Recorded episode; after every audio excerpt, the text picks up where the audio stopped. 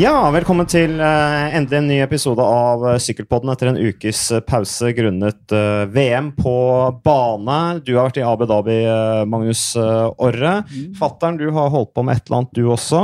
Jeg vet ikke hva det gjør. Nei, det vet du ikke. Du blir, blir såpass gammel at det husker du ikke. Nei, men jeg kommer rett fra Frankrike. Ja, Stemmer du har vært i Frankrike? Ja, jeg har vært i Frankrike. Og Måtte jeg, tenke deg litt om? Ja. Det liksom, det satt, plutselig satt det Jeg sykla, det var fantastisk i Sør-Frankrike. 20-25 grader. Og mimosaen sto i flor! Den vakre, gule mimosaen. Så jeg Vi skal jo snakke om Paris-Nice. Ja, du ble inspirert med tanke på det. Rittet mot solen. Jeg kaller det rittet mot mimosaen. Deilig. Også Christian Påske. Vi har jo tilbrakt ganske mange timer sammen, og det har gått rundt og rundt og rundt i ring. Men det har vært mye spennende sykling i, i sykkel-VM i Prushkov i Polen. Veldig eh, spennende. Fantastiske konkurranser. Eh, banesykling er eh, Det er morsomt å se på. Det er utrolig publikumsvennlig. Uh, vel å merke hvis man klarer å holde styr. det er jo noen konkurranser der som er ganske kaotisk, men uh, det er kjempegøy. Det er uh, og kommet for å bli banesykling. Det er det du sier. Det har jo, det har jo vært, noen, vært i over 100 år. Så. 116. bane-VM. Det, det, er litt som internett. Kommet ja. for å bli. Hvilken nordmann var det som vant det første VM på bane?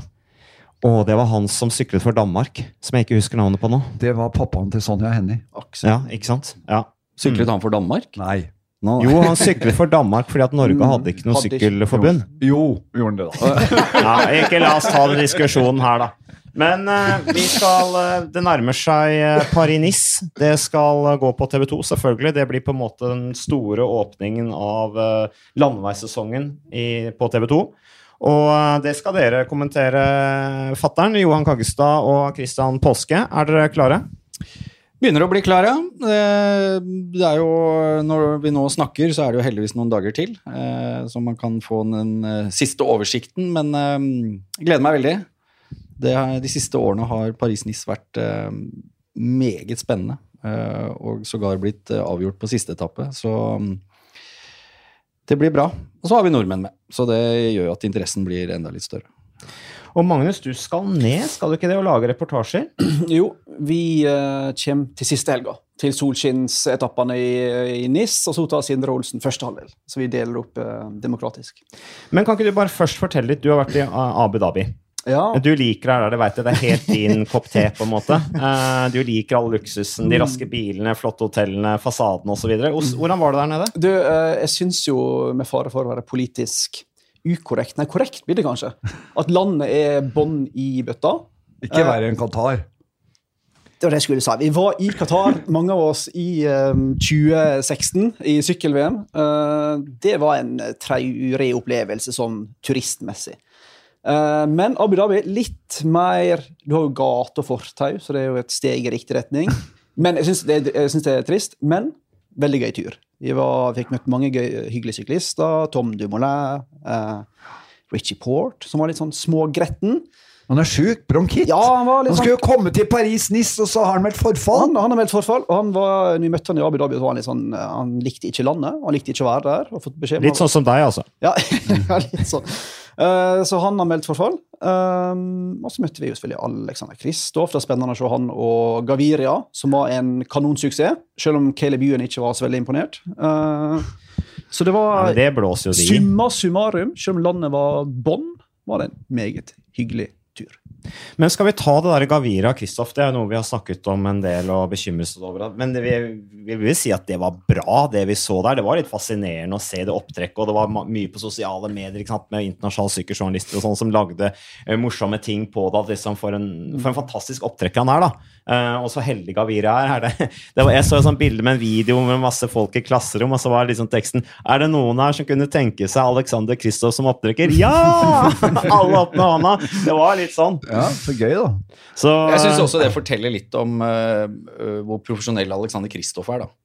Uh, jeg tror vi kunne lagd en ganske lang liste på stjernesyklister, spurtere, som ja, ville enten eh, droppa og nekta å kjøre og for enhver pris funnet et annet ritt enn en Gaviria.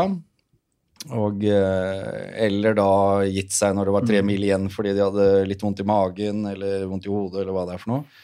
Men ikke Alexander Kristoff. Eh, selv om han vet at dette her på en måte gjør at han blir kanskje enda mer låst senere i sesongen, så gjør han det til fulle. Det syns jeg er, eh, står respekt av. Det. det, Men, men tror dere ikke at det vil trekke prisen hans opp òg? Altså en ting, nå kan han gå for noen resultater på egen hånd innimellom, og så la oss håpe at han vinner og får bra resultater. Og så da innimellom, altså istedenfor å bli nummer fire og fem, sånn som han ofte blir i de der aller raskeste spurtene. For at vi er, jeg tror vi er enige om at han ikke er den raskeste rytteren i feltet. Ja, det sier han jo sjøl òg. Ja, ikke sant? Og så trekker han opp, og så er han, blir han etter hvert kjent som feltets beste opptrekker, som i tillegg har potensial til å vinne Flandern rundt og sånne ting. Vil ikke det også holde prisen hans oppe på sikt, mon tro? Jo, men det, Selvfølgelig. Ja. Men jeg tror Alexander Kristoff eh, Sorry at jeg avbryter, men eh, jeg tror han har tjent nok penger. Eh, Men han vil jo lettere få en kontrakt med et stort lag til en, eh, med en veldig god lønn. Eh, Samtidig så tror jeg han føler at det er altfor tidlig å skulle bli en, eh, en fast opptrekker, da. Det er jo der det ligger. Men at han kommer til å tjene på å oppføre seg sånn som han gjør nå, helt klart. For det er så morsomt, Vi møtte han var det et par dager før rittet begynte.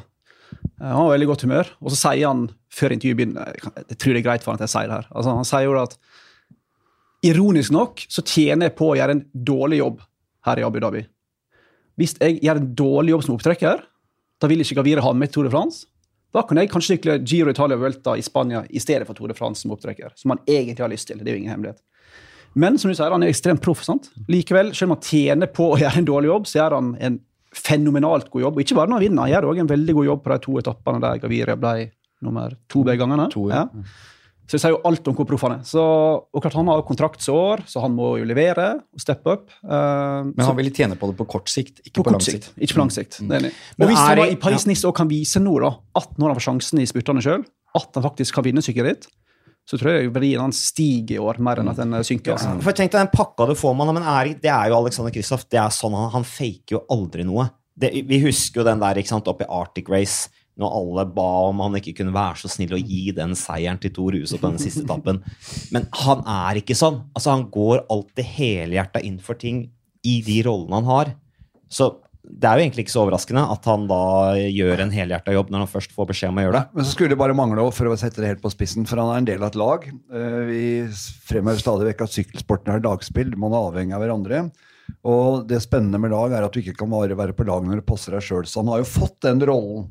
Han har akseptert den rollen, og han lønnes i den rollen. Eh, og så kan du si at hvis han hadde mislykkes som opptrekker, så kanskje han hadde fått flere sjanser sjøl, men da får han et negativt stempel med seg. Det var han som mislyktes i å jobbe for eh, Gaviria.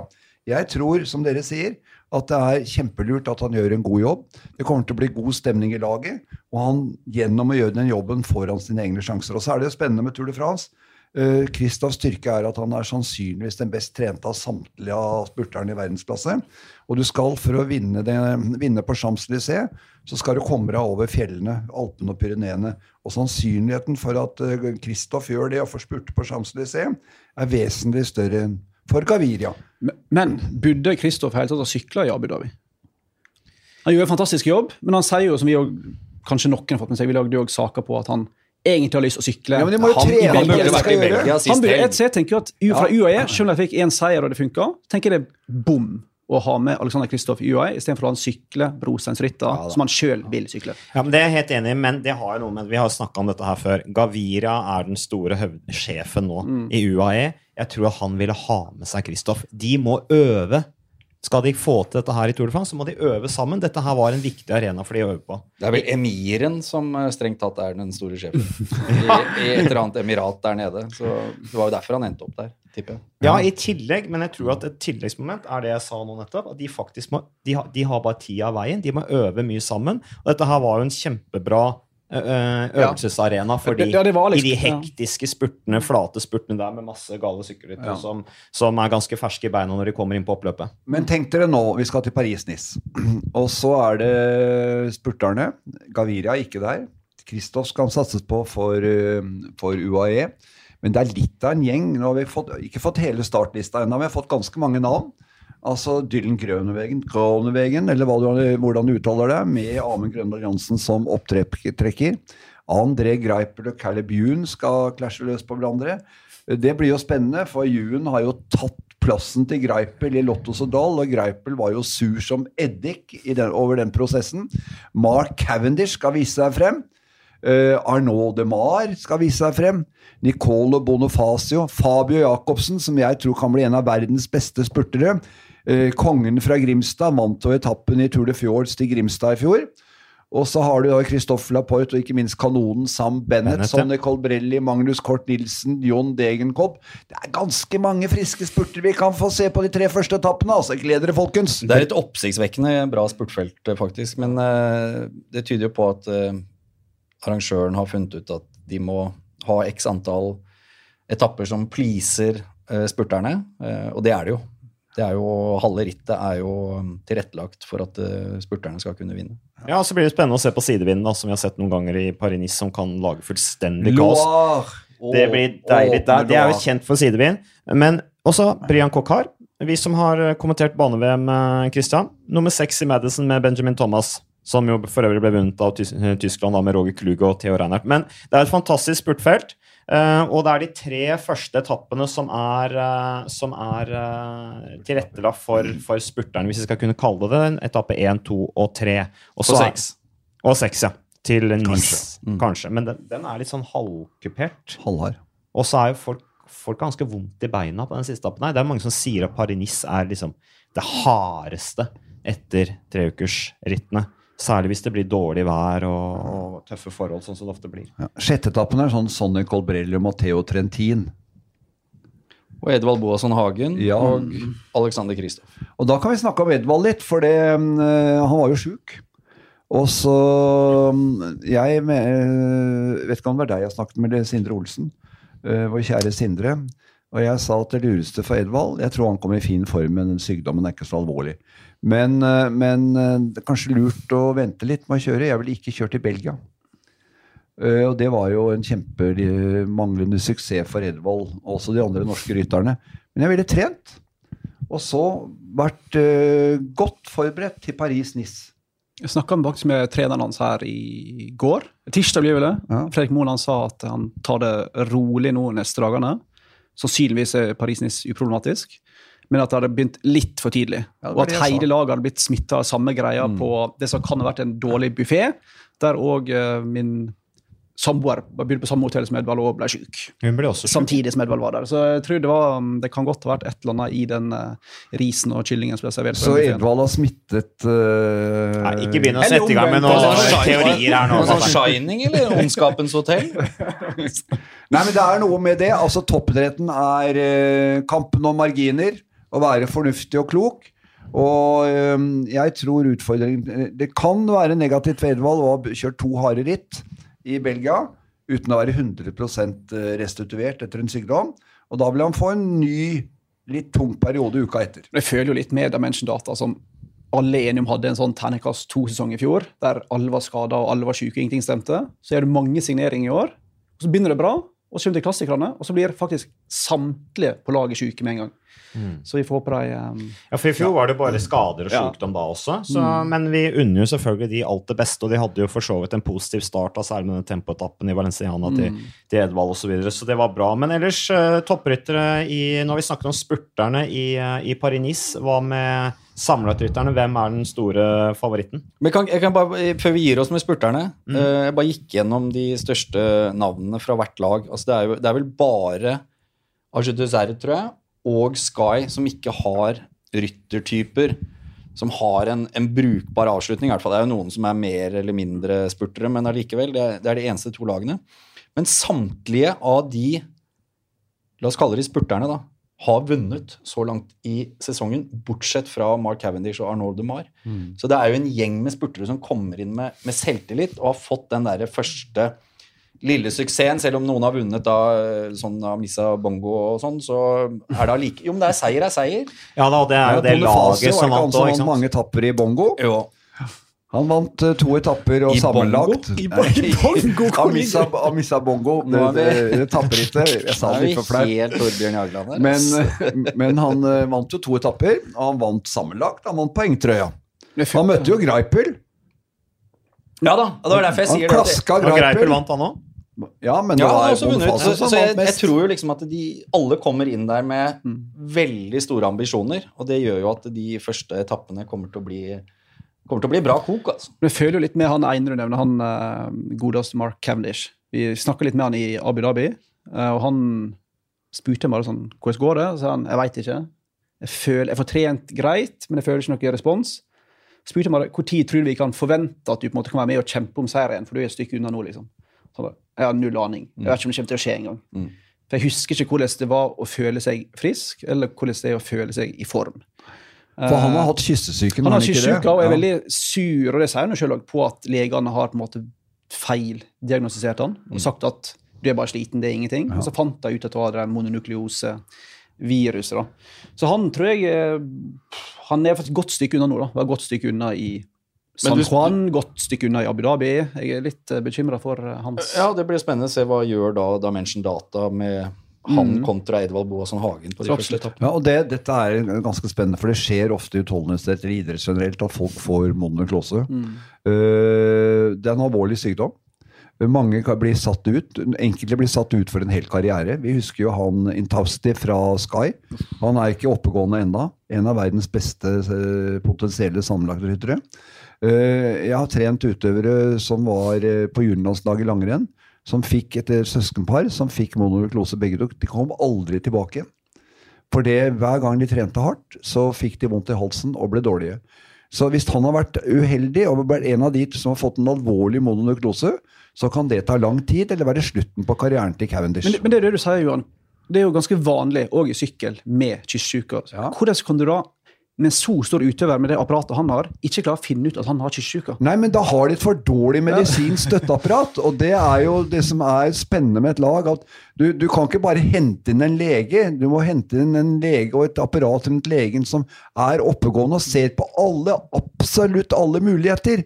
Har dere gravd i alle muligheter for å se hva som feiler denne? Og hvis de ikke sjekker, hvis det er en rytter som er litt forkjøla, litt vondt i halsen, litt slapp, så må jo være helt bing bong sort i bakhuet hvis de ikke tester på alle mulige monoklosetegn. Men jeg hørte et intervju med, med Cavendish nylig. Eh, Jeg husker dessverre ikke hvor det var. Men da sa han altså at også Mark Renshaw har hatt kyssesjuka. Og Cavendish beskrev jo da Renshaw i den perioden som at han syntes han var en blauting. Han tenkte at han var, at det satt i huet på han, at han ikke hadde i seg lenger. Og så viste det seg jo at Renshaw har jo hatt det samme, han også. Så plutselig fikk han mye mer respekt for kameraten sin, da. Eh, Så det der er eh, Det er, det er noen tunge greier. Vi savner en Cavendish i form, for det blir eh, mye mer fest og liv med Mark Cavendish. Og tenk deg VM på sykkel. Tenk om han kunne kommet på Storbritannias lag i Harrogate, hvor mammaen er født og bor. Blitt 33 år gammel nå, Cavendish. Eh, Han Ingen har, alder. Han har 14 dager med konkurranse. UAE og San Juan er de rittene han har kjørt, og åttendeplass er hans beste plassering. Så det er jo selvfølgelig langt under pari for, for han, som uh, setter det å vinne svært høyt. Han er jo tross alt en vinnertype. Men tilbake til eh, Christian. Har du noe du vil legge til der, da? Nei, jeg er bare nysgjerrig på om du spurte Mark Cavendish når han skulle legge opp.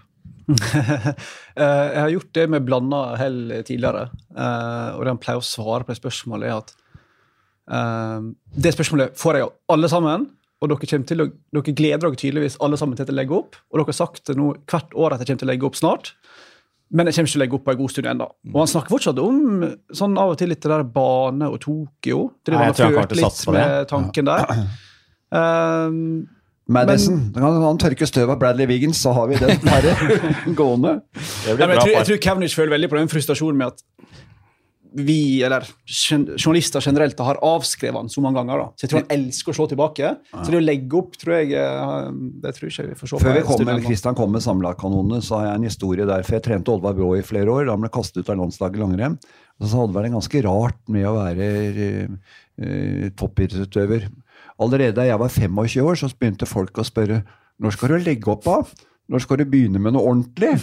Og så sa Oddvar at ja, kanskje jeg burde legge opp, men jeg driver jo med det jeg syns er morsomst her i verden. Hvorfor kan jeg ikke få lov til å holde på med det uten at folk bryr seg så veldig om det? sa Oddvar. Forskjellen her var jo at, eh, eller eh, er, var, at eh, Oddvar Brå var jo en av verdens beste til han var omtrent 40 år. Hvor mange sesonger tåler Mark Cavendish uten suksess? Det er det jeg mener, da. Ja, og det er ikke mange, for altså, her er det et marked, tilbud og etterspørsel, og du kjøper ikke en såret hest, altså.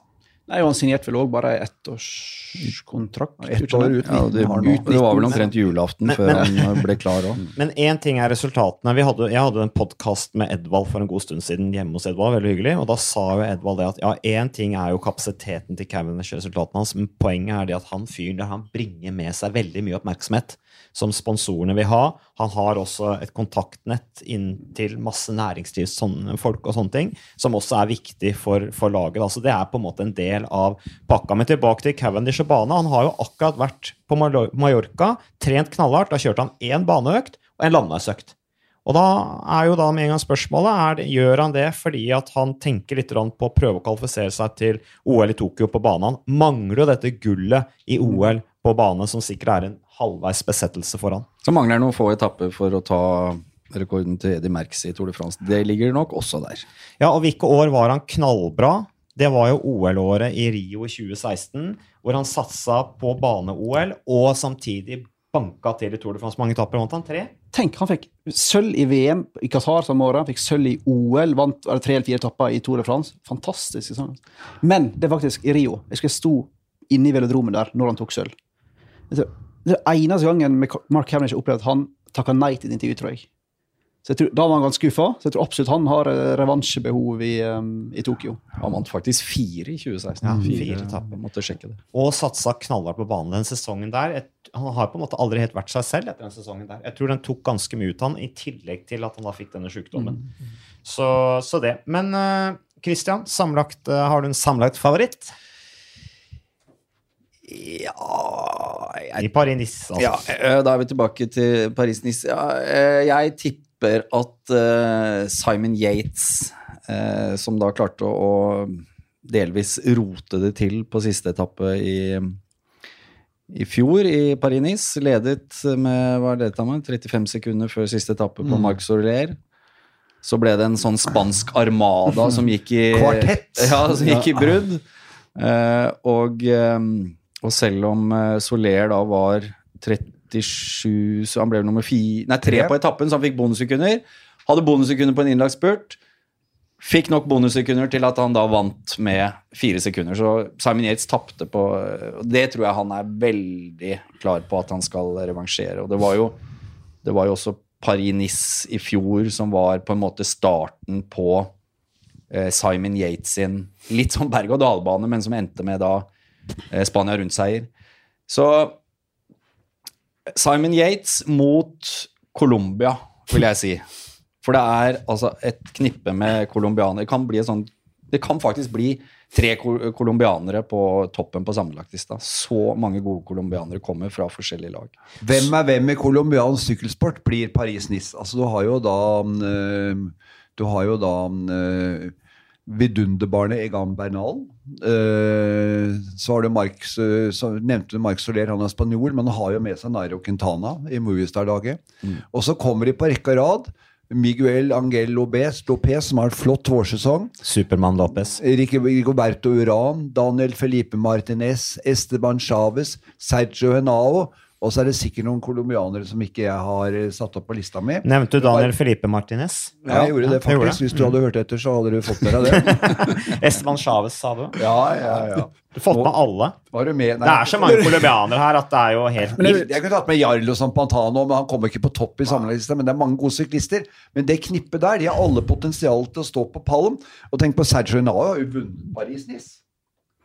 Jeg vil slå et slag for det som har blitt plutselig verdens beste etapperittlag, Astana. Altså, De har vunnet sju etapperitt allerede denne sesongen. Altså, Rekorden i løpet av et år på de siste 20 åra er ti. Sky blant annet tok ti i fjor. Astana har sju allerede. De vinner alt de stiller opp i. De sender Joni Sagire, som alltid er god i Paris-Nice. De sender broder Gorka i Sagire. Som alltid er god i Paris-Nice. Ja, alle er gode i Paris-Nice. Og så sender de i tillegg uh, Hvem er den siste mannen i um, Miguel Eh, Luis Leon Sanchez og Miguel Ángel Lopez. Jeg tror vinneren kommer derfra, og jeg tror tempoen er fin for Jon Isagire, som endelig vinner. Du har veldig forkjærlighet for Jon Isagire. Det er jo han siden jeg ble kjent med deg. Er det fordi Han er jo basker, er basker. og du er veldig sterkt knyttet til ditt hjerte til Baskeland. Absolutt. Og så er han en veldig, veldig trivelig fyr. Hyggeligere enn sin bror Gorka, så vi liker Jon. Vi snakket jo om det på forrige podkast, og det var jo egentlig litt eh, leit. Eh, vi kunne jo egentlig hatt ett minutts stillhet for det her eh, nå, altså din katt. Vi kommer tilbake til det. Som, som het eh, altså Aymar etter Aymar Subeldia. Er katten borte? Vi hadde tre, og nå er alle tre borte. Så, Nei. men uh, det har gått litt noen måneder nå, så vi eh, Men da må jeg bidra, for vår katt ble også avlivet for ganske kort tid siden. altså. Ja, men dere tok livet av den. Det gjorde ikke Magnus. De døde av seg selv. Dere tok livet av den? Ja, altså veterinæren, da. Å ja, ok. Den hadde store indre, indre skader, eller indre organer hadde sluttet å fungere. Og det så kona mi, men jeg ville ikke innse det. Men er dere dyrløse er på ja. nå, da? eller? Vi har det. Det er en del mus og rotter rundt omkring, da. Ikke Men, ikke eh, noe Magnus, geiter. nei, ikke noe geiter. Altså, og Mons var jo ikke oppkalt etter noen syklist. Nei, han var oppkalt etter de fleste katter i verden. Men det er målgang Nei, det har vært målgang på et av etapperittene i år, i Mons. Hvem var det som vant den etappen, da? Et av etapperittene hadde målgang i Mons. Jo, det var Tour de Hot Var. Var. Annen etappe i Tour de Hot Var er oppkalt etter vår katt. Ikke omvendt. Nei. Nei, da fikk vi liksom linka vår katt til sykkelsporten. Det var bra at vi fikk gjort Det det. var han italieneren som skal kjøre nå Paris-Nice. Chicone. Chic- Ciccone. Ciccone, ja. Som vant foran Thibaut Pinot og Roman Bardet. Uh, apropos Astana. De leder altså antall eh, seire. Nå kan du jo da eh, ta med alle etappeseierne sammenlagt i Rwanda, men allikevel, Rwanda er jo et ritt som tar seg opp, syns jeg. Altså med stadig sterkere europeisk deltakelse, eller, eller proffdeltakelse. Fantastisk ritt, utrolig folkeliv. Men Astana står altså med 15 seire da. Én seier mer enn De The Cunning Quickstep. Og uh, Michelin Scott har jo også kjørt bra. 11 seire. UAE Emirates har 10. Uh, så det går eh, Så det har vært bra sesong for eh, en del eh, lag nå. Eh, vi tok, vi, ble vi enige om hvem som vinner eh, Ja, Hvem er din, din favoritt, da? hvem som vinner Paris-Nice? Ja, det er jo ganske åpent. Det er mye som kan skje. Mye taktisk spill der. Richie Port er ute. Eh, jeg, jeg heller mot en av disse her. Supermann Lopez er min, er min favoritt. Nei, men det er, vi snakket om at det var et heftig spurt, sprintfelt, altså spurtere. Men det er også et, eh, en ganske lang liste med, altså med ryttere som har potensial til å vinne eller komme på pallen sammenlagt her. Altså, Astana er én ting, de har jo fire, egentlig. Eh, men du har Wilko Kellermann, for eksempel, som eh, Mikael Tempoen, Kwiatkowski. tempoen, tempoen kommer jo til å bli liksom den første indikasjonen, altså på fjerde etappe. Uh, Keldermann veldig god til å kjøre tempo. Eh, TJ van Garderen på nytt lag i EF Education. Hadde jo ambisjoner om å vinne i fjor. Krasja vel, eller var han sjuk? Han, han forsvant i hvert fall ut i løpet av første etappe. Eh, så det er eh, det TJ van Garderen som uh, i Jeg snakker med en kollega i Storbritannia som hadde intervjua han her om dagen. Han sa at TJ van Garderen hadde smilt. Oi! For første gang, ifølge vedkommende, siden 2015. Så det kan være at Var det naturlig, eller var det etter å ha gått på smilekurs? Men jeg synes det er litt interessant det med Teacher Van Garden. Vi skal følge litt med på han, fordi at nå har han bytta lag. Han er ikke i BMC lenger, nå heter jo det for øvrig CCC, men han er jo eh, nå signert for EF Education. Eh, og jeg, jeg tror nok at de setter på en måte et litt annet press på han der, at han har litt tyngre bør kanskje å, å bære. Jeg tror de jeg tror de sier til at, han, han sier jo selv at han, at han vil fortsette å satse på sammendraget i etapper. Han vil ikke eh, velge enkeltetapper, sånn som han noen gang sa at han burde gjøre etter han vant denne etappen i Giro Italia i fjor. Så mente han liksom det var veien å gå for han. At han droppa å tenke på sammendrag, gikk for enkeltetapper. Men han sier at nei, det som tenner han, det er å gå for sammendraget. Uh, men jeg tror at EF Education er happy om han blir topp ti.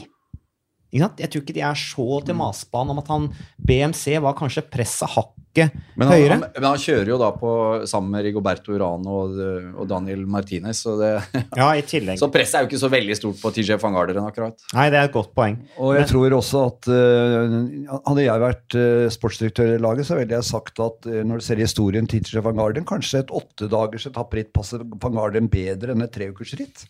Jo, men det, det, det tok han vel litt inn over seg for et par år siden, tror jeg. Det var derfor han hadde ambisjoner om å vinne Paris-Nice i fjor.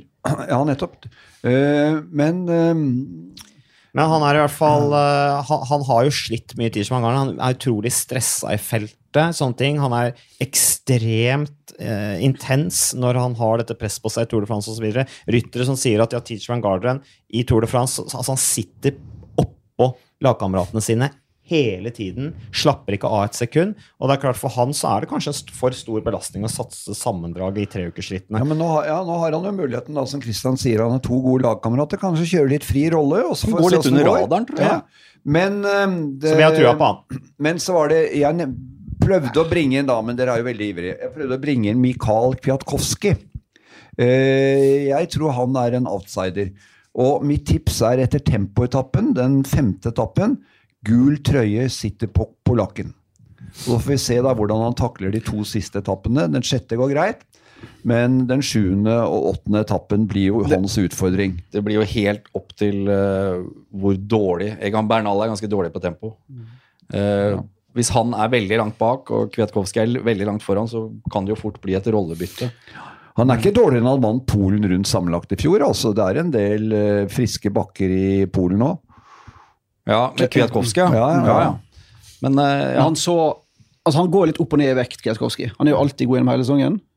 Ifølge flere av Sky-gutta som jeg med de sa at de har aldri sett Kwiatkowski så tynn og så i form så tidlig i sesongen som han har vært i år.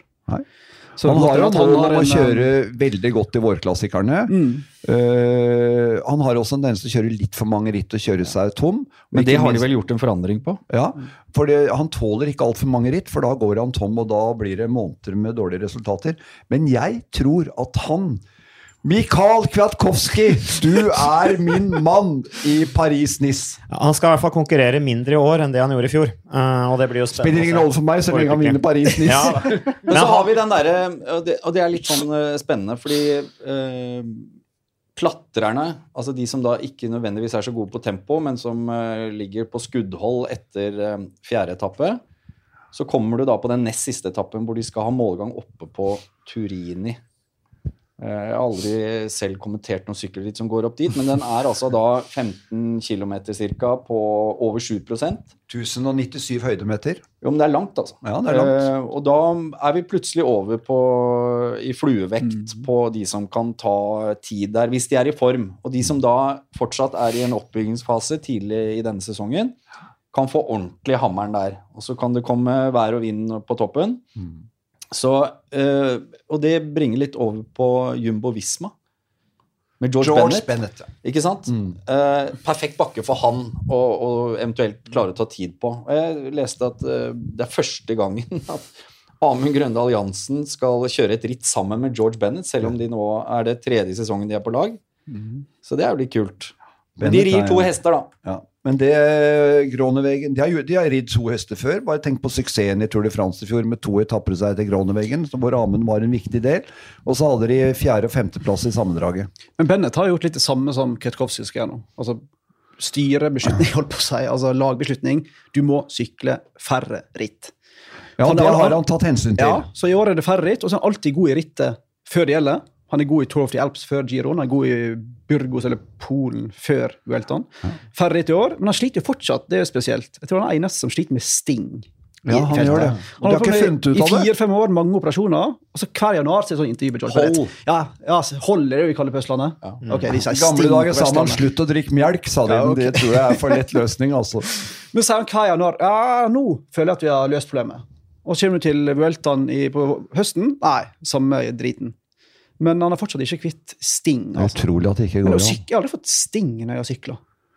Det har Nei, aldri jeg gjort heller. Løpere har fått det. Vi hadde en av eller Norges Det beste hinderløper, eh, som ble rangert som nummer ti i verden et år, eh, Sverre Sørnes. Han, uh, fikk stadig sting, eller hold, som vi kalte det. Og da var rådet altså slutt å drikke melk. Det vet jeg ikke hvilke medisiner som tok til grad ja, på det. det Men, Hva? Funker det? Han ble kvitt det etter hvert, men det er jo kjempeubehagelig, og det er noe mentalt i det òg. Han, han har jo til og med funnet ut når det kommer. Uh, ute i løpet, noen cirka ute i løpet når han ser profilen, så har han en god peiling på når det kommer, og da vil du jo ubevisst vil- Jeg ville iallfall gjort det, som kanskje er litt mer problemorientert enn en han Bennett. Tenk, nå kommer det. Det må jo gjøre noe sitter og venter på det. han. Ja, sitter og venter på at Lurer nå på når kommer det. kommer det. Men nei, da vi var unge, holdt jeg på å si, var det ikke sånn at hvis du spiste middag for tett opp til Mm, trening, jo, så fikk du hold? Ja, eller for tung mat. Kjøttkaker med fet saus, eksempel. Det er ikke noe George Jeg tror ikke George Bennett spiser så mye kjøttkaker med fet saus Men han sier også at han, ikke sånn. Han sier at han liksom mister opptil 10 hevder han sjøl Ja. av prestasjonen sin. Det er jo en Det er det er ekstremt i, i alt Det er en sammenlagt seier sammenlagtseier i tre ukers ritt. Ja, det er jo samme effekten som folk sier du får av EPO. Liksom. Altså 10 det er vanvittig masse. da. Ja. Så hvis eh, han uten sting, da blir det sting i gutten. Ja, det var- Men nå har vi nevnt bra. Nå har vi nevnt mange. Det var veldig bra, forresten. Men uh, det er en rytter jeg er litt spent på. Når skal han stå opp fra de slumrende? Fabio Aro. Han skal jo være med her. Eh, kan vi forvente å se at han eh, får ræva i gir, som det heter på fagspråket? Jeg har han langt ned på min liste. Ja. Han tar jeg i hvert fall på outsider-lista, helt definitivt. Jeg så han i Portugal, og han ble jo fullstendig frakjørt der. Så jeg har ikke noen sånn veldig forventning til at han skal kjøre at han skal henge med et enda sterkere felt her i Paris-Nice. Men han kan gjøre en bra jobb for Sergio Henao, da. Ja, det kan han gjøre. Som vant uh, for to år siden. To Ja. stjerner altså som er degradert til vant, hjelperyttere i UAE. eh, han vant med to sekunder på Alberto Contador. To se altså siste tre årene Fire sekunder. Max. Totalt ti sekunder mellom nummer én og to. Fire sekunder i fjor. To sekunder Enao Contador. Fire sekunder uh, Garen Thomas Contador. Mm. Men du nevnte Turini. Det har jo vært masse skrevet om dette fjellet som er nytt i Paris-Nice, som har vært kjørt i Tour de France tre ganger. Ja, det er den hardeste etappen i Paris-Nice i år. Men det er en norsk kvinne som har vunnet opp til uh, Turini. Hvem er det? I en internasjonalt stor idrettskonkurranse, hvis det er idrett, da. Som ikke er Er det Hun er bil? død. Rally Monte Carlo? Ja. Greta Molander. Og vant to ganger uh, Rally Monte Carlo, som er jo et av de mest omskrevne rallyer i verden. Og jeg har opplevd starten på Rally Monte Carlo. Vet du hva jeg gjorde? Utafor KNA-hotellet i Oslo, tvers overfor Oslo Handelsgymnasium. For den gangen, da Greta Molander herjet uh, i internasjonal rallysport, så starta Rally Monte Carlo på forskjell, i forskjellige hovedsteder i Europa, og så møttes de nede i Provence. Og da var det stor ståhei utafor Coinal-hotellet når det var start på Rally Monte Carlo. Da møtte folk frem for å se på disse tapre førerne og disse fantastiske bilene. Men med fare for å høres mindre intelligent ut, Greta Molander Ja, sett deg, Jeg gidder ikke å fortelle deg om henne nå, men det kan du finne ut. Hun var en stor profil. Hun var? Nei, Hvem var Greta Molander? hun Hun var kjørte rallykjører. tydeligvis rally, da. Tydelig. Hun var rallykjører og vant Rally Monte Carlo. Så verdenstopp eh, altså, Ja, ja, hun er pioner innenfor eh, kvinnelig motorsport, eller var. Det er før vår tid, dette her. Men Ja, jeg eh, bare oppdaterer det på Ja, at det Rally Monte Carlo viktig, har kontakt med coin, gamle coin out, eller hva det heter nå, det veit jeg ikke. Men det er helt riktig, fatteren, at dette med, med bilsport er aktuelt i forbindelse med Turini, som jo er altså den Det lange knivers natt het etappen opp til Turini. Det ble ofte kjørt om Ja, natten. stemmer det. sjuende etappe i årets Paris-Nice. Det er altså 16. mars de skal opp denne klatringen. Etappen har 4600 meter med klatring for øvrig. På Strava, som jo er veldig inn i tiden nå, eh, det er eh, De fleste har Strava som sykler nå. Jeg har det ikke for øvrig, for jeg har ikke lyst, og det, jeg har ikke lyst til å bli målt hele tiden. Men Varbergil er den som har den raskeste tiden opp Turini på Strava, foran Roma Bardet. Du vil ikke bli målt hele tiden? Nei, ikke på når jeg er ute og sykler. Ferdig med de greiene der. Men hvis det Eh, er noen som ikke vet hva Strava er, hvordan vil du forklare det? Da må de gjøre som fattern sa nå til Magnus. Finne det ut. Oh, ja. Ja. En Strava er en Så vi driver ikke opplysningsvirksomhet? Strava er en app som du kan bruke til å følge med på tidene til andre som sykler fortere eller saktere. Men jeg er enig i at det er litt slitsomt. At alle skal måle alt og sammenligne seg Ja. alt og tøffe seg med alt hele tida. Ja, nå enig. sier man liksom det som ikke er på Strava, skjer ikke. Ja. Ikke sant? Så hvor provoserende er ikke det, det for de? For, for folk som er ute og sykler. Det beste med Strava eh, Jeg har også registrert en konto der, men jeg har aldri, Samme aldri sykla. Altså, du har tenkt på det? Jo, men det som er det faktisk er fint, er at uh, man kan gå inn og så kan man finne stigningsprosenten på bakker i sykkelritt som ellers ikke er opplyst av arrangør, f.eks. Og fin- Og finne ut hva gutta trener før ritt og. Ja, ja, ja. Men det er genialt verktøy, altså. Ja, ja. Vi er Men, veldig glad i Strava. Enig i det. Du, du sa at uh, den der Turini-etappen er kongeetappen. Det er den sannsynligvis. Men det er ikke noe spøk, den siste etappen. 110 km identisk med fjorårets. Det var et fyrverkeri fra start. Seks kategoriserte stikninger, inklusive Col ES. Jeg vil påstå at det er den etappen i løpet av sykkelkrønnen som alltid leverer garantert best underholdning. Den slår aldri feil. Den siste etappen i Paris-Nice Kjempeflotte stigninger og krevende utforkjøringer. Hva har vi sett ned de der serpentinersvingene ned til Nis? I regn og Og da sleit. Jon Isagir sklei ut i Jeg må jo ikke begge. Jo, begge Jeg brødrene tror Isagir både stemmer. Gorka Gorka, og. Jon Og det gjorde vel at eh, Altså, Gor- Gorka Isagiri ble vel nummer tre, Ja. og så ble Jon Isagiri fire, eller? Jeg tror det stemmer, ja. Ja. Det var vel da Contador Gorka Isagirre i fjor, no, tredjeplass, Mm. og Jon Isagirre ble nummer fire. Så de krasja jo Mm. ut fra noe stort noe, kanskje.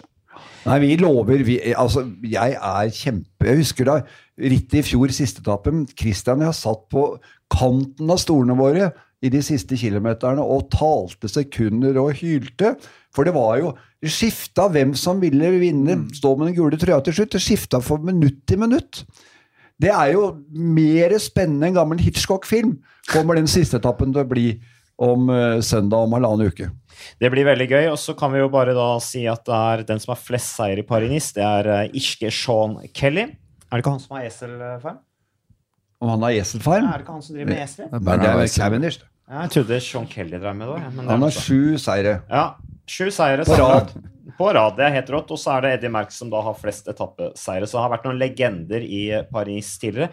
De norske, Amund Grøndal Jansen, Edvard Baasen Hagen, Alexander Kristoff, Sven Erik Bystrøm, som vi ikke har nevnt i dag. Det er de norske innslagene der. Vi skal bli spennende å se. Vi har snakket om det. Kristoff og Edvard Baasen han kommer sikkert til å være med og kjempe om etappeseire. Amund Grøndal Jansen har opplagt en hjelperytterrolle som han eh, er blitt veldig god på. Og Sven Erik Bystrøm skal også bli spennende å se i hans rolle, som helt sikkert også blir en hjelperytterrolle. Men eh, Jeg ser at Vegard Stake Langen står som eh, reserve på UAE. Jeg vet- ikke hvor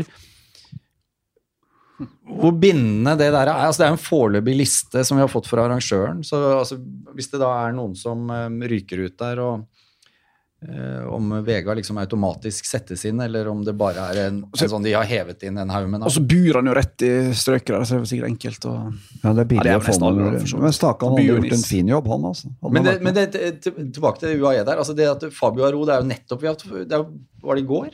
Det ble kjent at han faktisk skal kjøre Paris-Nice som en del av opplandingen til, til giroen.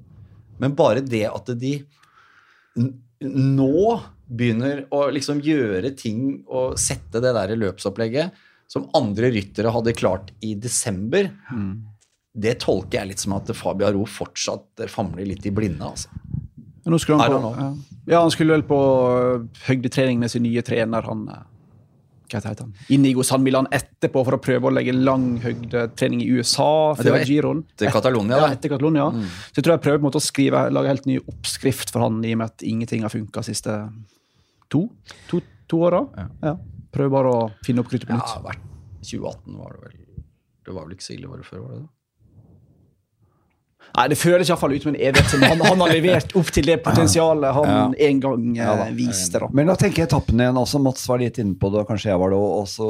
Den fjerde etappen hvor vi kommer inn i Loire-området. Det er åp åpent landskap.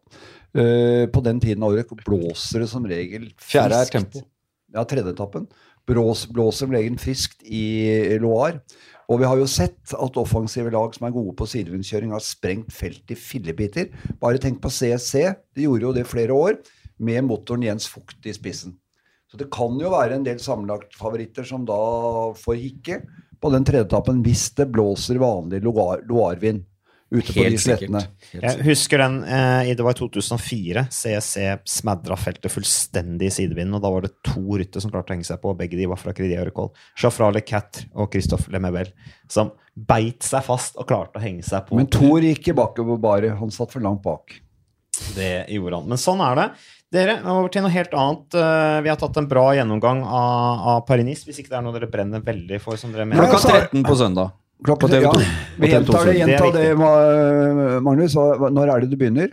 Klokken 13 starter vi sendingen. 13 på Ja. søndag. Og så er det jo dramatisk ritt, og det har også vært eh, eh, altfor dramatisk. Andrej Kivelev mistet livet. I, han var en av verdens beste sammenlagtryttere i 2003 i St. Etienne i en spurt. Men det var, gikk i bakken i en massespurt uten hjelm. Men det var grunnen til at hjelm ble påbudt i profesjonell sykling. Ja, Det husker jeg veldig godt. Ja. At Det var første året jeg var proff. Uh, og det var jo det året han omkom. Det var jo tragisk, selvfølgelig, men eh, det var jo da det ble hjelmpåbud. Og, og det var ikke lett, fordi at eh, rytterne ønska ikke noe hjelm. Altså, Nå lå året da Vinokurov, bestekompisen hans, vant Paris-Nice Ja. og måtte dedikerte det til hvis Sto på seierspallen og dedikerte den. Men syklet du uten hjelm? Ja, når vi ble proffer, så sykla vi uten hjelm. Og vi fikk heller ikke, altså Jeg husker vi fikk beskjed om å ikke sykle med hjelm til start på ritt, f.eks. Uh, fordi at vi skulle ha på oss capser, som vi da skulle gi til publikum. Uh, og det var mye lettere for folk å se hvem vi var, når vi ikke hadde på oss hjelm og briller. Eh, og en annen ting var jeg husker Det er jeg enig i. Ja, og en annen ting er jo dette her at eh, jeg husker da jeg satt sammen med uh, Serge Boucheri, sportsdirektøren i, i Criar Col, når dette hjelmpåbudet kom. Jeg husker vi streika jo i Kriterium Dauphiné pga. hjelmpåbudet. Uh, vi vi, vi, vi starta ikke etappen for at vi måtte ha på oss hjelm. Uh, og da husker jeg Serge Boucheri ble intervjua av en journalist i bilen, og da satt jeg sammen med Serge Boucheri og var på vei til, til flyplassen. Og så sier da Boucherie til, til journalisten Ja, men tenk på disse stakkars rytterne, da. De har det jo vondt nok som de har det, i den ekstreme varmen med melkesyre som tyter ut av øret, den lidelsen de må igjen, så må de ha på seg hjelm i tillegg. Ja, det var holdninga i feltet, da. Eh, Så, men det har jo endra seg, seg veldig. Så, Gudskjelov. Så, så det er noe så. Men uh, noe helt annet, folkens. Uh, det var for øvrig fint å mimre litt om den, den, det som skjedde den gang. Men Sky har Nå ryktes det igjen altså, at de har fått en ny sponsoravtale. Colombia? Nei, det er ikke Colombia. Det er Storbritannias det er det nye nå. Storbritannias rikeste mann, som heter altså Jim Ratcliffe. Han er styreformann i noe som heter Ineos Chemical Group. Ble, ja, vi må le litt av det. Ble kritisert da for øvrig etter at han eh, flyttet til Monaco to måneder etter at han fått en sånn ALS-tittel. Ja. Eh, han, bare, han han? bare fikk den tittelen, og så flytta til Monaco etterpå. sånn at han slapp å skatte til Storbritannia. Veldig smart. Det var greit at han venta til det heter det. Men uh, ifølge Matteo Tosato, da, som jobber i Team Sky, så, så skal dette annonseres i forbindelse med enten rundt giroen eller etter giroen. da. Eh, og det er også rykter om at det er en sammenslåing med Israel Cycling Academy, rykter som har versert ganske lenge, faktisk, eh, for at Israel Cycling Academy skal få en billett til Tour de France i 2020. Tosato, som da er sportsdirektør i Sky, jeg tror han har forsnakka seg her. Ja, det må han ha gjort. Altså, Brailsford har jo Jeg tenker han mister jobben, her, hvis det er tilfellet at han har slengt med leppa. Men, Ja, det er jo flere som har forsnakka seg i Sky tidligere. For Brailsford har jo vært veldig på at vi skal ikke si noe som helst ut av respekt for de vi jobber sammen med. Vi skal vente til alt er klart. Og så snakker spansk avis med Tosato i Abu Dhabi, og så bare sier han det ut av. Jeg tipper jeg har blitt litt uh, sinte mailer fram og tilbake i um, eh, Sky-miljøet her de siste dagene. ja, men, men du sier at det, er altså en rik brite som skal da gå inn og ta over sponsoratet til Sky, men det skal hete Israel Cycling Academy? Nei, Det er- skurrer for meg, altså. Nei, det er, ja, det, det skurrer for meg òg, men det er snakk om at da eh, denne høvdingen i Israel Cycling Academy, jeg husker ikke akkurat hva han heter nå Ron- Ron Baron. Det var baron. ja, at de vil på en måte være med på moroa. At de er en slags delsponsor eller et. Men dette her er bare ja, Det er interessant, for det Bracelet har sagt det er to scenarioer. Det ene er at vi finner en hovedsponsor som bidrar med hele potten, à la det Sky gjorde tidligere, med 30 millioner euro. Uh, den, det scenarioet er lite sannsynlig, for det er veldig mye penger. Altså over 300 millioner norske kroner. Øh, eller cirka det. Øh, men hvis det deles opp på 20 pluss 10, så er det mer realistisk å finne to sponsorer. Og da kan jo Israel Cycling Academy være den delen som bidrar med de 10 millionene. Og han der en eh, nyslåtte ridderen i Frank... Eller hva det heter. Sør Ditledat.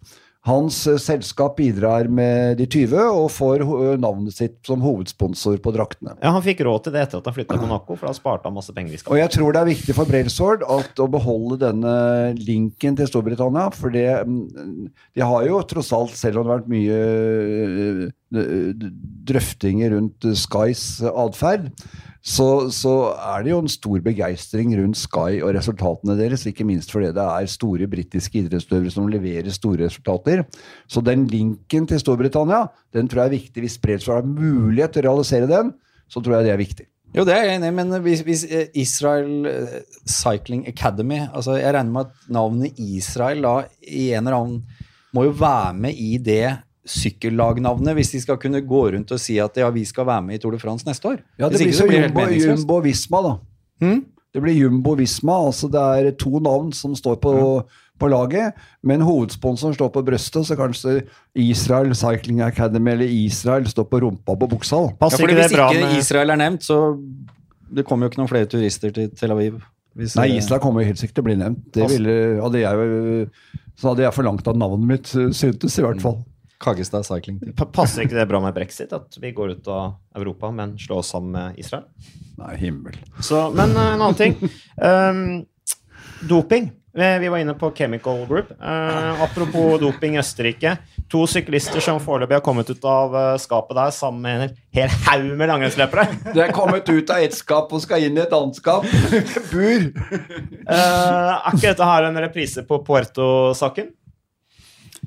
Magnus? Jo, øh, det kan virke sånn, men det virker som her har han operert litt mer amatørmessig. Virker det egentlig sånn. Og det som slår meg mest, er bare at og da vi om litt i redaksjonen, er at hvis du først bestemmer deg, sånn som disse syklistene, DNIFL og Preidler og for at ja, nå må jeg blode opp meg, må finne en fyr som hjelper meg, går du da til en fyr som allerede har blitt outa i media og av andre ryttere, som politiet garantert har oppmerksomhet rundt, og som WADA er obs på, går til Mark Schmidt, som altså ble outa for Gerold Steiner-skandalen i 2008 i Tour de for å få hjelp. Det virker helt hull i hodet. Da må du finne en som er litt mer under bakken, og som ikke allerede har vært i dopingskanaler. tenker jeg da. Men Magnus, vi snakka om dette for noen dager siden. Så, så ringtes vi om denne WADA-lista over forbudte leger. Mm. det er en oversikt da, som WADA har over leger som eh, utøvere, eller leger og støttepersonell som eh, utøvere ikke får lov til å jobbe med. Du kan bli utestengt hvis du jobber med Dr. Ferrari, f.eks. Mm. Eh, selv om du kanskje ikke tester positivt eller har noen forbudte stoffer i kroppen, så kan du bli utestengt bare på bakgrunn av det. Men er det ikke sånn Han står jo ikke på den lista engang. Nei, man er jo ikke dømt for noe. Altså, det ble jo bare altså Det han er innblanda i, er at Bernhard Kohl, som vant klatretrøya, ble nummer tre i Tour France 2008, sa at det var Mark Schmidt som hadde hjulpet med med doping. Men så lenge han ikke klarte å bevise det, så blir han ikke noe straffa. Og da kan du selvfølgelig ikke stå på ei liste. Jeg er enig at det er jo litt ironisk at han ikke står på WADAs liste over leger han ikke kan jobbe med, men så lenge han ikke er dømt for noe, så kan du heller ikke bare hive inn på navn som Men det som det som er spennende er det var Mats inne på, for det minner litt om Operasjon Puerto. For det, her er det en lege som opplagt har administrert eh, bloddoping. Eh, og det er et uh, tverrfag, tverridrettslig kundeliste han har. Det er utøvere fra mange forskjellige idretter som sannsynligvis eh, kommer i baret, og jeg tror politiet nå er mye mer etter å identifisere blodposene uansett hvilken idrett det er, enn de var i, i Spania i forbindelse med Operasjon Puerto.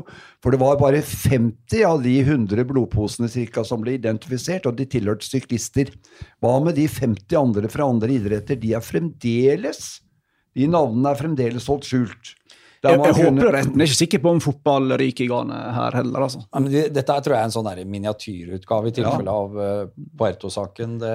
Noen steder står det at de har funnet 40 blodposer, noen steder står det et dusin.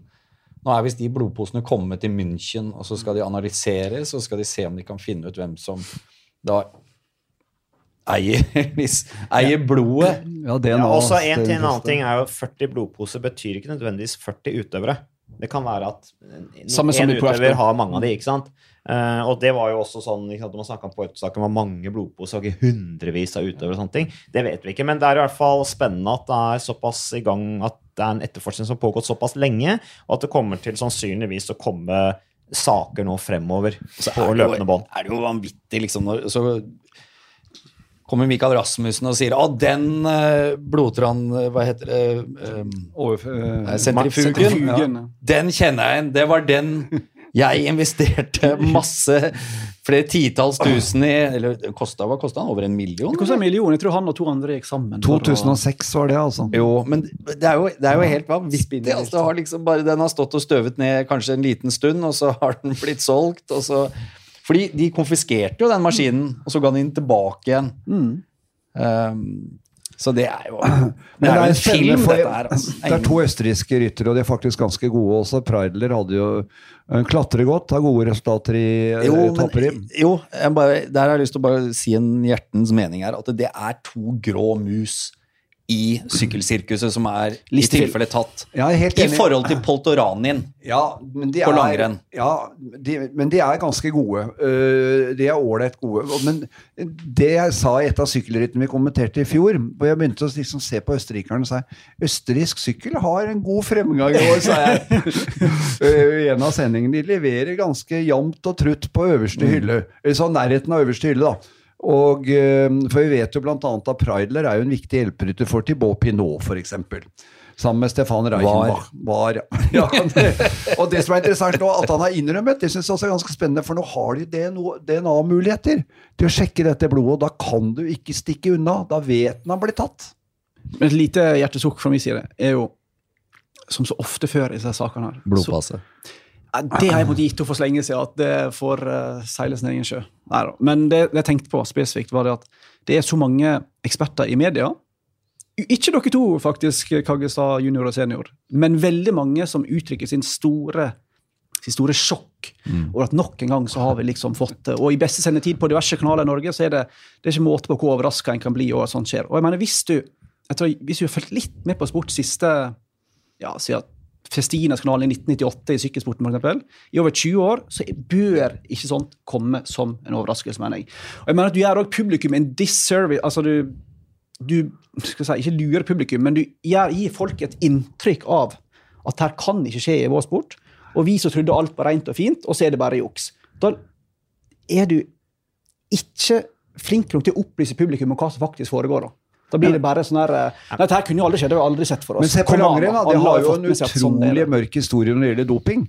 Eh, så det er natur... Men så er det, det så Ja, og det Østerrike så er det andre Dette er den andre store avsløringen i Østerrike på relativt kort tid. Vi hadde denne blodbanken i Wien, ikke sant, med han Matschiner som var lege for Rasmussen og Menschow og flere andre utøvere også. Bogart, ja, ja, ja, Bogart, altså Rabank-gutta og, og andre utøvere også.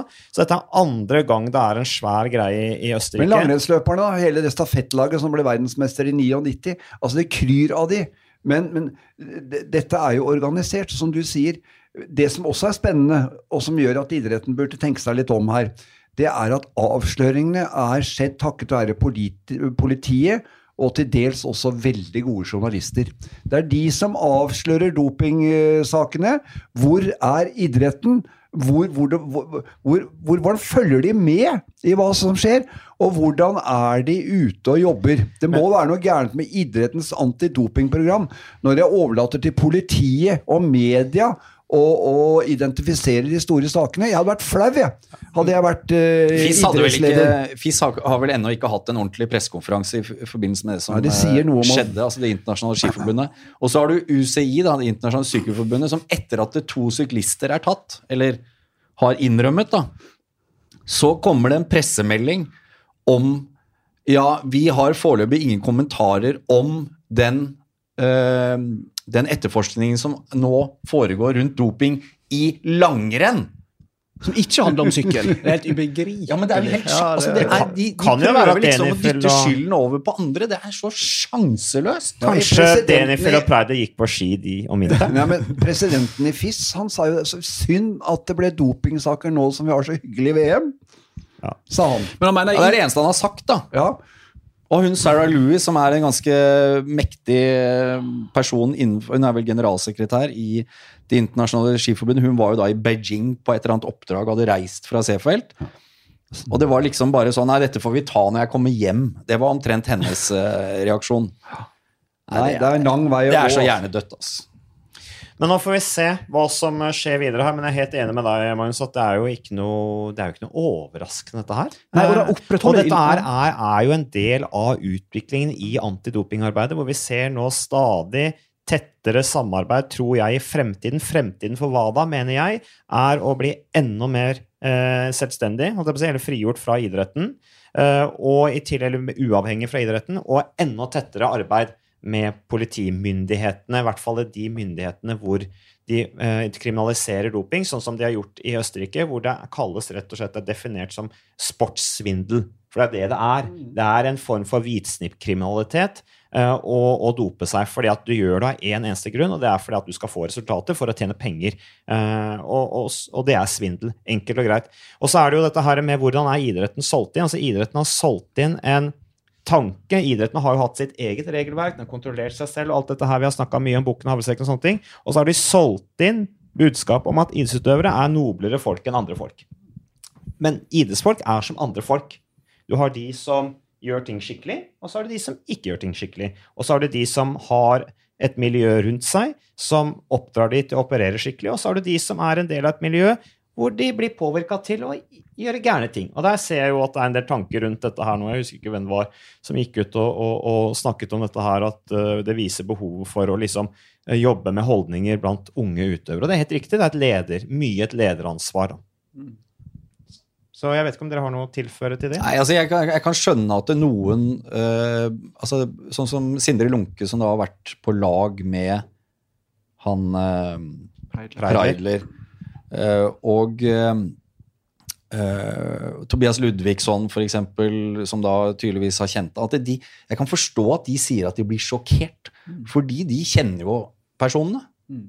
Altså, De har jo et eller annet forhold til disse på en helt annen måte enn det vi journalister har. Så at uh, hvis du liksom er kompis med en fyr som du har tillit til, og så viser det seg Det er litt det samme som hvis du hvis du har en kompis som eh, plutselig eh, ender på kjøret da, og begynner med narkotika, f.eks., så er det å, det er den siste jeg trodde ville liksom ramle utpå av den grunn. Ja. Så det må vi, forstå, det, vi må mm. forstå at noen blir sjokkert, men at det sånn rent objektivt noen blir sjokkert over at det dukker opp dopingsaker. Mm. Det er jo litt snart. Ja, helt enig. Altså, min kritikk gikk altså mot, mot media. Ja da, media, det skjønner jeg. Ja. Opprettholde en slags illusjon. Og så var det jo måten det ble avslørt på. Mm. At de hadde rigget, Det er jo sjokkerende. At de rigger til et, eh, et dopingrom inne i Seefeld. Ja, men Er det mer må... sjokkerende enn Lance Armstrong og US Postal Service som rigga til bussen og parkerte på en eller annen bussholdeplass? jo, men Det er, det 20 år siden tid, ikke sant? Ja, ja. Det, jo derfor, det er jo det mange sier, at det er sjokkerende at man gjør det så tett innpå uh, i dag. Det er jo greia. At de gjorde det den gangen, uh, ja, det var sjokkerende den gangen, men uh, at de fortsetter å gjøre det. Kanskje det er derfor utøvere har benyttet seg av fordi at de har hatt dette apparatet hvor de har garantert liksom, rask service på stedet. Der du er, liksom. så men, men Desperate utøvere som ikke får fremgang. Det er min konklusjon. I hvert fall på de som er tatt i nå. Ja, ja Bortsett fra Poltoranin, da. Men det kan jo hende han da allerede hadde begynt å jeg tror ikke det, jeg, Poltoranin tror jeg har holdt på med dette i lengre tid, for Kasakhstan har jo hatt en kultur på at dette lønner seg. Er ikke kona hans suspendert, da? Jo, skiskytter. skiskytter. Ja. Ok. Men uh, apropos bare en kjapp refleksjon uh, rundt dette med, med Preidler og sjokk. Og jeg skjønner veldig godt at utøverne, lagkameratene hans, er, er, uh, blir sjokkert av dette her. Og så så jeg også et så leste jeg noen sitat fra Neil Rogers, som er, er sykkeljournalist. Han, han, sa jo det at Preidler er liksom, viser at den mest dannede, høflige, snilleste gutten i klassen også kan benytte seg av den type løsninger. Da. Så det er jo ikke En doper er ikke nødvendigvis en, en, eh, en uh, usympatisk uh, person. Uh, det er ikke Det kan være en hvem som helst. Tvert imot. Hvis du har tenkt å dope deg, så bør du jo være veldig sympatisk, for det er ingen som tror at du doper deg. Nei. Nei, ikke sant? Det, det kan være en del av spillet, det. Men, men dette er et signal til internasjonal toppidrett om at nå må de søren meg begynne å ta ansvar. Nå er det på tide å ikke stikke huet i sanda lenger. altså. Dette er mikrofonen til Jeg blir gal av skipresidenter og friidrettspresidenter og sykkelpresidenter og sier at nei, vår idrett den er veldig ren, altså. Ja, vi kan legge til det at Magnus uh, stakk. Uh, sånn at jeg tror vi han er på jobb, han. Han er, dro av gårde. Han skulle opp og intervjue noen i Vålerenga-folk, tror jeg. Ja, de skulle ja. besøke barn på Radiumhospitalet. Vålerenga gjør en kjempejobb. Banser på isen der. Ja. Mm, det er bra. Det er Vi, vi hyller Vålerenga for det. Det, det, ja, skal vi avslutte det med å hylle Vålerenga? For, eh, Vi kan i hvert fall ikke avslutte med en dopinggreie. Det er litt sånn vi må avslutte på vei deprimerende. opp. Helt enig. Er det noe lyst, du, du har lyst til å avslutte med? Kristian, du kan få velge tema. Eh, ja, det er jo litt trist det òg, egentlig. Eh, kragbeinsbruddet til August Jensen eh, i Le Samin, det var en ordentlig nedtur for en som jeg tror kunne gjort det mm, bra i, eh, i vårklassikerne. eh, hvor han ville fått kjøre faktisk en del av de. Så det, det var dumt. eh, spesielt sett med norske øyne, men, og spesielt for August selv. Da, men, eh, så det var litt eh, kjipt. Ellers så ja, gleder jeg meg til Paris-Nice. Jeg tror det blir eh, knall. På alle måter. Ja, jeg støtter Kristian der. Jeg er veldig glad i Paris-Nice. Det syns jeg er et eh, festlig sykkelritt å kommentere. Og jeg er litt stolt av at vi får lov til å kommentere det på Hovedkanalen. Det begynner klokken ett på søndag. Eh, en annen rytter jeg syns har hatt en bra start på sesongen, det er Stine Borgli. Ja, helt Ja, er enig. bra. Det at det er avgjørende at vi hyller Stine Borgli, eh, oljeplattformarbeidersken, som nå er i ferd med å skaffe seg en fot innenfor internasjonal sykkelsport. Hun er ikke på noe ordentlig sånn profflag. Hun, hun, men hun, gjennom et godt arbeid av Norges Sykkelforbund og kvinnesatsingen, så får hun kjøre en, en del store ritt. Og hun er med og hevder seg i fremste rekke akkurat for øyeblikket. Norges beste kvinnelige syklist. Og så syns jeg Sindre Lunke har hatt en bra start på Du må ta med at Susann eh, Andersen kjørte veldig veldig bra for sitt lag i, eh, i Belgia sist ja, helg. Som hjelperytter, ja. Ja, Veldig bra. Ja, nei, hun det er, graden, positivt. ikke? Det må vi bare tåle. Sandweb, som er en, eh, et stort lag, og så Sindre Lunke, som har hatt en bra start på sesongen sin i, i Rival. Det er, eh, og så håper jeg det var, Jeg fikk en nedtur da disse, den gjengen vår som kjørte brosteinsklassikere i Belgia sist helg, knapt fullførte. Vi har to starter, var det seks ryttere. Én som kom i mål i ett ritt. Det var Edvald. Men eh, jeg er helt enig. Stine Borgerli eh, hun eh, har løfta seg. Uh, Sykla solid. De norske jentene syns det også virker som på en måte har løfta seg et uh, hakk. Hvite Heine har også kjørt solid, så der er toppresultatene er ikke langt unna de virkelige Og toppresultatene. Katrine også. Aalerud er også i gang, så her er det håp i tunnelen. Og eh, kontinentallagene våre de er i gang med sesongen også. Det kommer til å bli fullt kjør der fremover. Eh, så vi har mye å se fram til i det hele tatt. Så jeg tenker at vi avslutter med det. Og så Ja, nå tror jeg ikke folk gidder å høre på oss. Nei, vi er snart tilbake. Takk for oss!